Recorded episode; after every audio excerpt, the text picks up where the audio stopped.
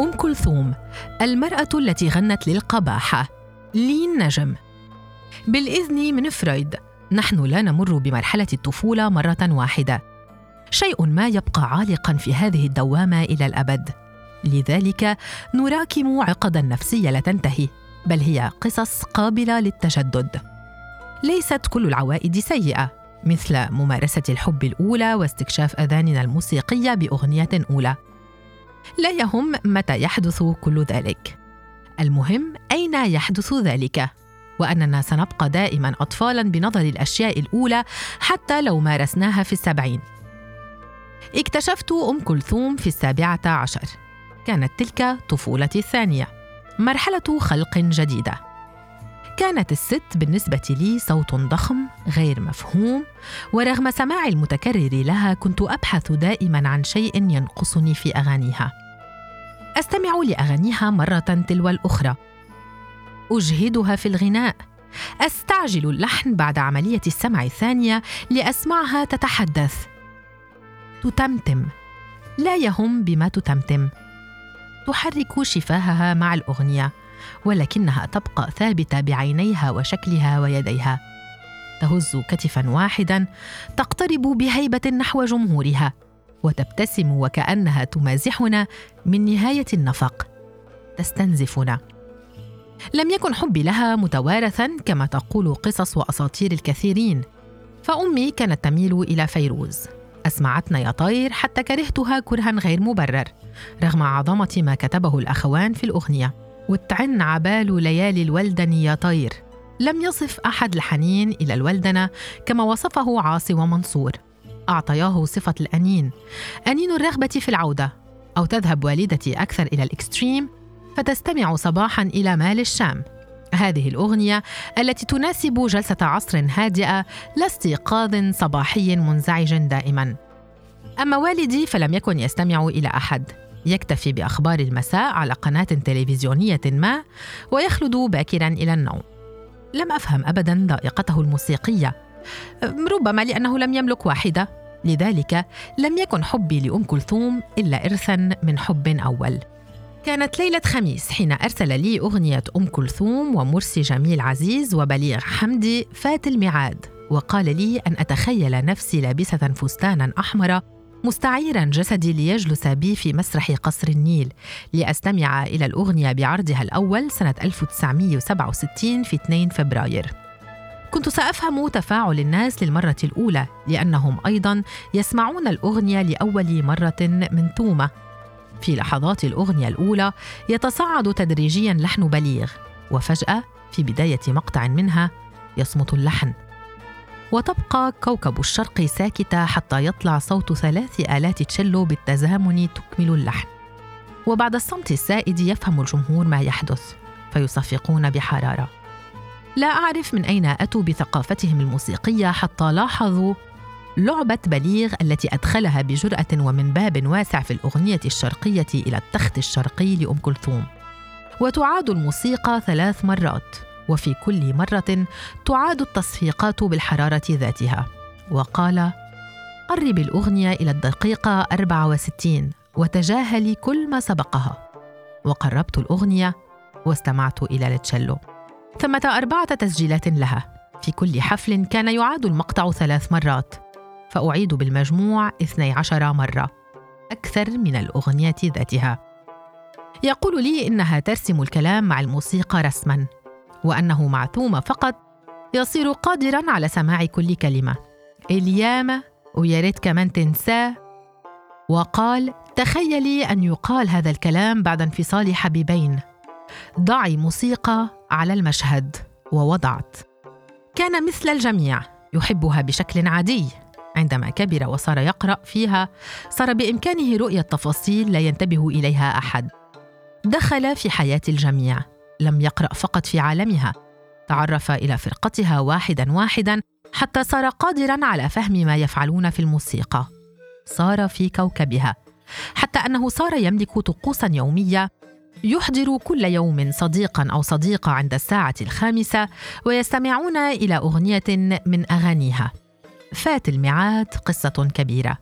كانت الدقيقة الرابعة والستون جزءا صغيرا منها. وكنت أعرف أنه قصد إسماع حفلة الأغنية الأولى كي أكون واحدة من الجمهور وأفهم التفاصيل ذاتها والآلات الموسيقية التي استخدمت لأول مرة بجنون بليغ.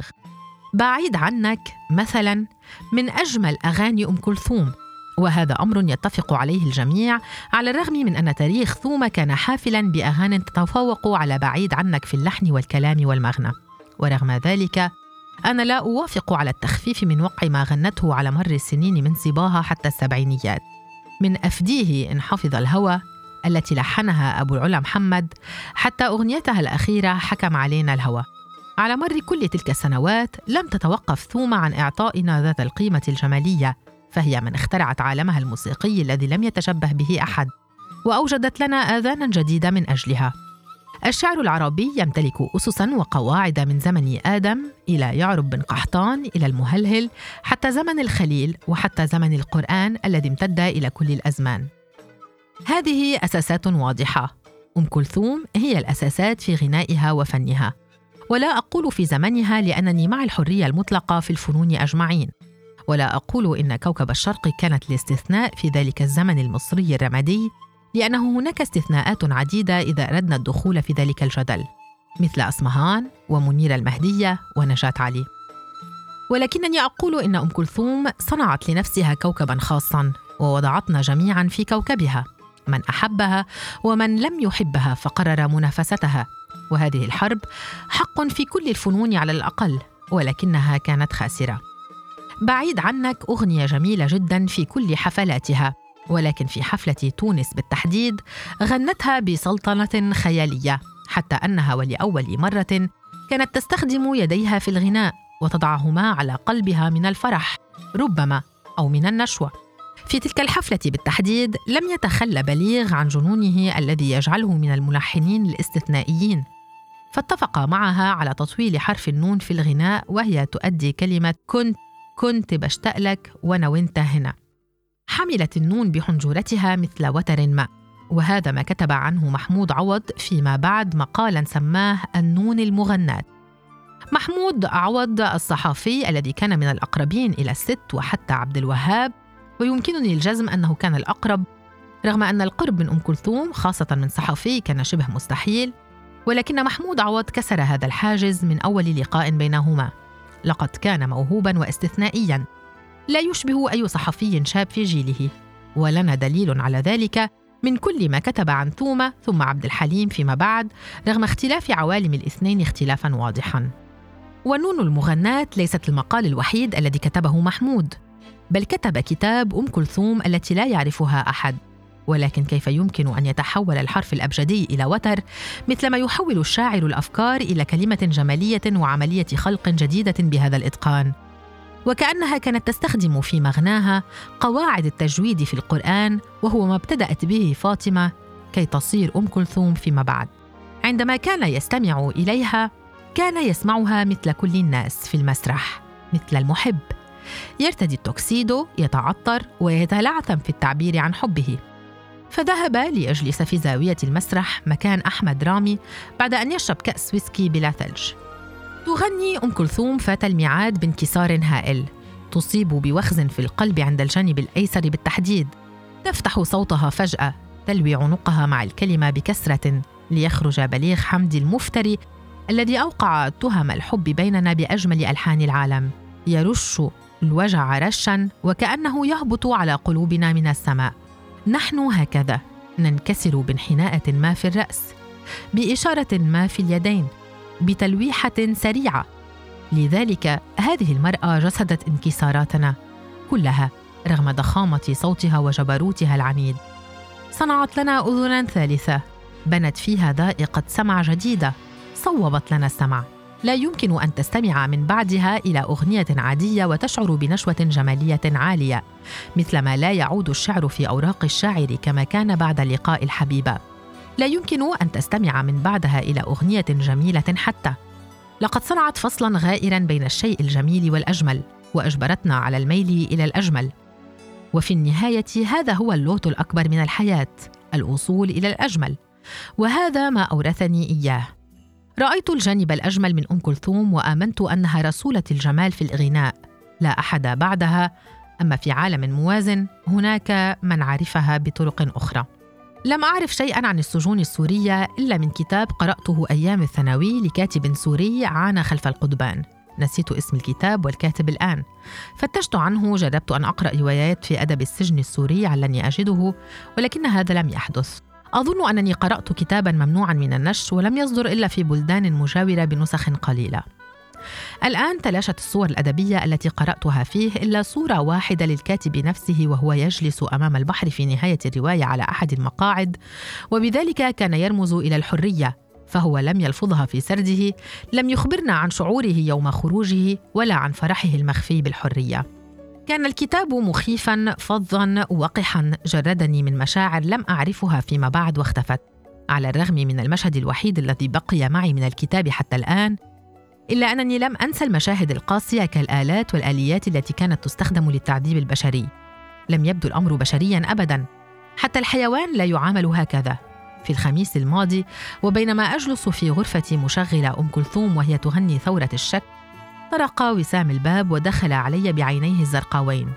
لم أكن أؤمن أن وسام الشاب السوري اللاجئ خلق بازرقاق عينيه هذا. آمنت أنه ورثهما من غطسة ما في البحر الذي أحبه دائما. يقول لي إنه عاش مدة طويلة في البحر وليس حوله. استأجر بيتا في كسب باللاذقية وكان يعيش في البحر طوال نهاراته. لا يستخدم البيت سوى للنوم. حين عرفني على شغفه العجيب بالبحر عرفت أن وسام لم ينجو أيضا من السجون ذاتها وفعلا هذا ما حدث. نظر صوب الجدار لا في عيني وبدأ يتحدث. وكنت أعرف أنه خيل له الجو الذي يقصه علي. جو خال من كل شيء إلا الجدران. لم يخبرني بالتهمة ولكنه بدا نادما على شيء فعله سعيا للمال وأنا حاولت استنتاج تهمته التي لم يجاهر بها صراحة. لم يندم على ما فعله ولكنه ندم على السبب. لذلك التقيت به في حانة عاملين بمعاش لا يتعدى 200 دولار وهو عكس ما كان يسعى إليه الشاب تماما. وكأنه كان ينتقم من ندمه ذلك. كان ينام في غرفة مع 400 إنسان. تمنى في لحظتها لو أنه كان يملك كاميرا ليلتقط لي صورة فوتوغرافية للمشهد. أربعمائة إنسان ينامون كعبا إلى وجه على جنب واحد طوال الليل. وفي الصباح يحاولون اختراع الخمر الذي كان ممنوعا في الداخل. صنعوا خمرهم من التمر المطحون يذوبونه ويضيفون إليه كما معينا من المياه. ثم يكملون المهمة بوضع الخليط في جالون مع خبزة متعفنة أو بندورة متعفنة لا فرق والقليل من اليانسون. لم يحب وسام أم كلثوم ابدا بل كان يميل إلى رقة فيروز في فنها. ما زال يسمع فيروز حتى اليوم ولكن تغيرت نظرته إلى الست من حينها. عند الساعة الثامنة من كل ليل وبينما الجميع منشغل في حرفة اخترعها. البعض نائم والبعض آخر يضع الخمر الذي صنعوه في إبريق شاي كي لا تكشف الخدعة. وبينما يزور السجان سجنائه ليتفقد عصيانهم لأوامره يجلس وسام في زاوية ما وهو يصنع حرفا من أدوات متوفرة. ما زال رجلا يعرف كيف يخترع شيئا من شيء مختلف تماما. يفتش يبحبش مثل طفل لجوج حتى يصدح صوت الست. من التلفاز من قناة مصرية. يقول يصمت الجميع ويلتفتون إليها. الجميع القاتل والمغتصب والعميل والمعارض والسارق والبريء. ما زال وسام على عادته ما أن يسمعها حتى يترك كل شيء ويأتي إليها رغم أنه لا يحبها وهذا ما جلبه إلى غرفتي هي هكذا لا تأتي إلينا بل تخترع صوتا كي نلحق بها. أم كلثوم ليست صوتا جميلا ولا فنا اخترعته بنفسها وليست قامة وظاهرة لا تتكرر. أم كلثوم لم تغني فقط في مسرح النيل وفي الأزبكية وفي إزيس وهياكل بعلبك. هذه المرأة غنت لأقبح أماكن العالم لأقذرها وأكثرها صلافة غنت في أكثر الأماكن المنسية. بعدما كان وسام رجلا محكوما عليه بالإعدام خرج أخيرا بعد الرأفة في الحكم بعد تسع سنوات ولكنه لم يجلس مثل ذلك الكاتب المنسي بوجه البحر على مقعد حجري بل جلس سنة كاملة في الصحراء لأداء الخدمة الإجبارية. الرجل المهووس بالبحر كانوا يعطونه ثلاثة جالونات مياه للشرب. كان يحتم عليه أن يطبخ ويشرب ويغسل أثر بوله منها لمدة أسبوع كامل. وأتى بعدها تهريبا إلى جوني بخمسين دولارا فقط. وهذا الرقم عجيب لأن كل عمليات التهريب من سوريا كانت بأسعار خيالية أكثر من ذلك بكثير. وهو ما عرضوه عليه عدة مرات قبل أن يلتقي بهذا الشاب الذي أخرجه من الصحراء إلى مدينة فيها بحر اشتراه بخمسين دولارا فقط لا غير. بالإذن من فرويد والبلاد والمسجونين والصحارى والسجان وديوث الشام وهدهدة ووريثة بالإذن من كل شاعر يمجد الوزن والقاعدة والسليقة ومن أم كلثوم التي غنت للجمال ومناصريه ولم تعرف أنها غنت للمساجين وللقباحة والوقاحة. بالإذن من عوض ومن حبي الأول ومني ونحن نسمعها في البحر وعلى الشرفات وفي السهول ونلبس التوكسيد وفستانا أحمر سارحين في خيالنا إلى الأزبكية بالإذن من الكتاب المنسيين ومن العينين الزرقاوين ومن البحر الذي صار مزادا علنيا لو أنه ما فات الميعاد لما قتلتنا هذه البلاد بطرق استثنائية بكلفة أقل. لما ورثت أم كلثوم وأنا أضع رجلا على أخرى من حب أقول عنه اولا صار في الذكرى.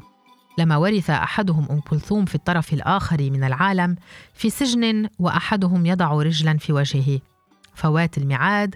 هذا كل ما يتركنا خارج لعبة الحياة.